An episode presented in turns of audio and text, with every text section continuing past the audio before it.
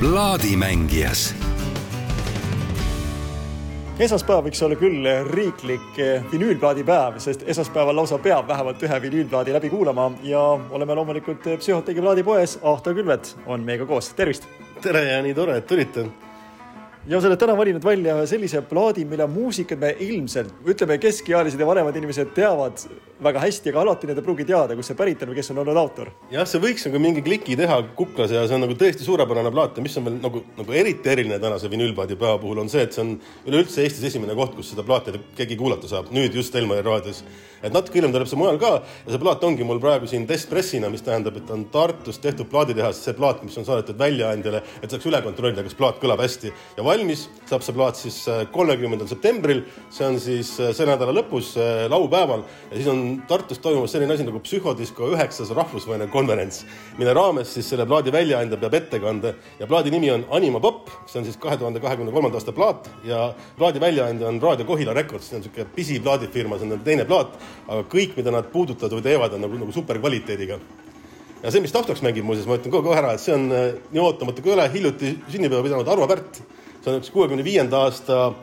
multifilm või nukufilm Hiirejaht. Ja see on selline hästi eksperimentaalne tegelikult, siin on trummid on sisse mängitud ja edasi-tagasi salvestatud. Ja noh, see oli see koht, kus siis ütleme, noored muusikud ja ka siis kunstnikud said katsetada, see multifilmi maailm. ja see on see, kus me praegu kuuleme siis hoopis teistsugust Arvo Pärti, ehk siis enne, kui ta siis sai sellise klassikalise Tintinabuli muusikaga nagu kuulsaks nimi on Anima Pop, see kõlab võib-olla natukene jaapanipäraselt, aga eesti keeles lihtsalt öeldes siin on selle plaadi peal need muusikapalad, mis on olnud meile tuttavates multifilmides. just, täpselt nii, kas siis äh, multifilmis, äh, kas siis animatsioonis, sealt ka sõna anima või siis nukufilmis, et seal on mõlemast võetud, no siin on nagu noh, kes ei teaks, siis Aeg maha multifilmi näiteks, et pärast, kui, kui me kuulame, siis see on lugu, kui ma seda kuulsin, siis ma sain aru, et ütleme nüüd, ütleme otse välja, et äh, kui ma lahkun ja kui tuhk on siis sealt äh, korstnast välja läinud, siis pannakse see lugu peale ja läheb peoks lahti, sest et see on nagu nii, nii, nii lahe lugu. aeg maha multifilmist, Priit Pärna multifilmist onju. ja kogu see plaat on täis seda, et siin on nagu ühtepidi on siis äh, suurepärased heliloojad, siin on, eks ju, Arvo Pärt, Sven Grünberg, Olav Ehala, Tõnu Aare, Tõnu Naissoo ja siis nagu selline, ütleme kuuekümnendate kuni kaheksakümnendate avangard kunstis. Leo Laapin, Sirje Runge, Priit Pärn, Aili Vint, Kaarel Kurismaa, noh nagu täiesti pöörane. ja mingis mõttes on seesama, et kui nüüd on räägitud sellest, et see multifilmi maailm oli see koht, kuhu teinekord siis Nõukogude Liidus mindi nagu pakku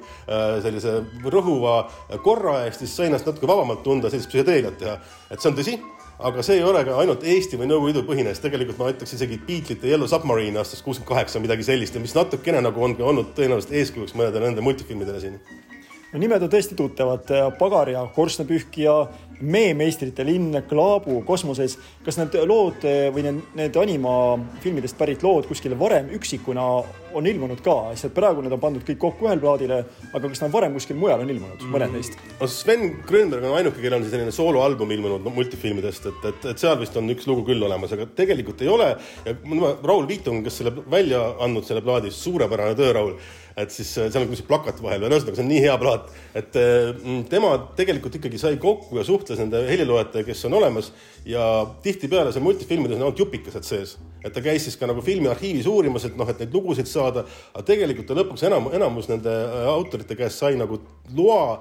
kasutada täisversioone või isegi natuke kokku miksida täisversioone. et sellist plaati pole nagu kunagi olnud, et meil kõigil on kuklas jah, võib-olla see kümme-viisteist sekundit, mida me seal multifilmist mm -hmm. mäletame, aga siin sa saad selle loo tegelikult algusest lõpuni ära kuulata nii et üllatus jagub ka neile, kellel tõesti need filmid ise on algusest lõpuni peas, sest tõesti täpselt nii nagu ütlesid, see animafilm kestab ju mõne minuti, muusikakatkend on veel vähem seal sees, aga need lood tegelikult on ju pikad. täpselt nii, täpselt nii on, et noh, see on lihtsalt nagu, see on nii lahe ja seesama see kogu see, kogu see muusika, kui sa kuulad, sa saad aru korraga, et kellega tegelikult üldse suheldakse, onju. et mingis mõttes mina näen sellist nagu lastefunki, see on omaette nagu kategooria, ma arvan, näiteks Entel Tenteli esimese plaadi peal oli siis äh, Tige Tikker, superfunk lugu, eks ju, siis äh, Trika Trei plaadi peal Sarabarabuu või siis see Buratino lood, eks ju, seal naerulaul, aga siin on nagu kokku pandud kõik need lood üht, üheks selliseks tervikuks ja noh, ongi see, et siin ei ole ühtegi nagu, kuidas seda öelda, ebakvaliteetset osa või et nagu kunst on suurepärane, muusika on suurepärane, see plaat on kokku pandud suurepäraselt, no ma olen tõsiselt nagu vist kõlab sihuke tõeline fänn, et ma nagu tõeliselt ootan seda kolmekümnendat septembrit, kui siis see psühholoogiline konverentsi see esitlus tuleb ja lõpuks saab seda plaati käes hoida. Ja mitte vähem oluline on see, et selle plaadipildi peal on kass, et ei ole olemas halba plaadipilti, kui seal peal on kass, et nüüd lõpuks on jälle juures veel üks kassipildiga plaat ja jälle oleme tohutult rõõmus selle üle. Oskad sa, Ahto, kirjeldada ka, kes võiks olla selle plaadi selline otsija või ostja, et kui ta selle poodi sisse astub, kas sa saaksid ukse pealt aru, ilma et ta sõnaga ütleb, et tema otsib just seda animapoppi? No ma arvan, et see on isegi võib-olla vähemus, kes ei otsi seda, noh, nad lihtsalt ei tea, et nad otsivad seda. et jah, seal tõesti on mingi seltskond või inimesed, kes on üles kasvanud sellega, kes on neid noh, multifilme teavad peast ja tagurpidi, eks ju. aga tegelikult ma arvan, nii-öelda siis see uuem põlvkond, selle kahe tuhande pluss sündinud, see on väga oluline ajaloolises mõttes ja see muusika on tegelikult väga hea, et tegelikult nemad peavad ka seda kuulma ja ma arvan, et nad tegelikult aimavad, et see on olemas, nad lihtsalt seda pole kunagi varem lihtsalt vinüüli välja antud. kordame üle, mis pala me nüüd kohe kuulama hakkame? Ja nüüd see, mis me hakkame kuulama, see on siis multifilmist Aeg maha aasta tuhat üheksasada kaheksakümmend neli, Priit Pärna üks nagu briljantsemaid teoseid, Alo Vehala kirjutatud lugu. ja see on noh, hästi kuulsad mehed mängivad sellega pilli, see on nagu orkester, et Lembit Saarsalu mängib saksofoni, aga olge valmis, see lugu kohe tuleb, sihuke rege lugu ja ma ütlen jälle, et minule on see, et kui mina lahkun, siis see lugu on punkt minu elule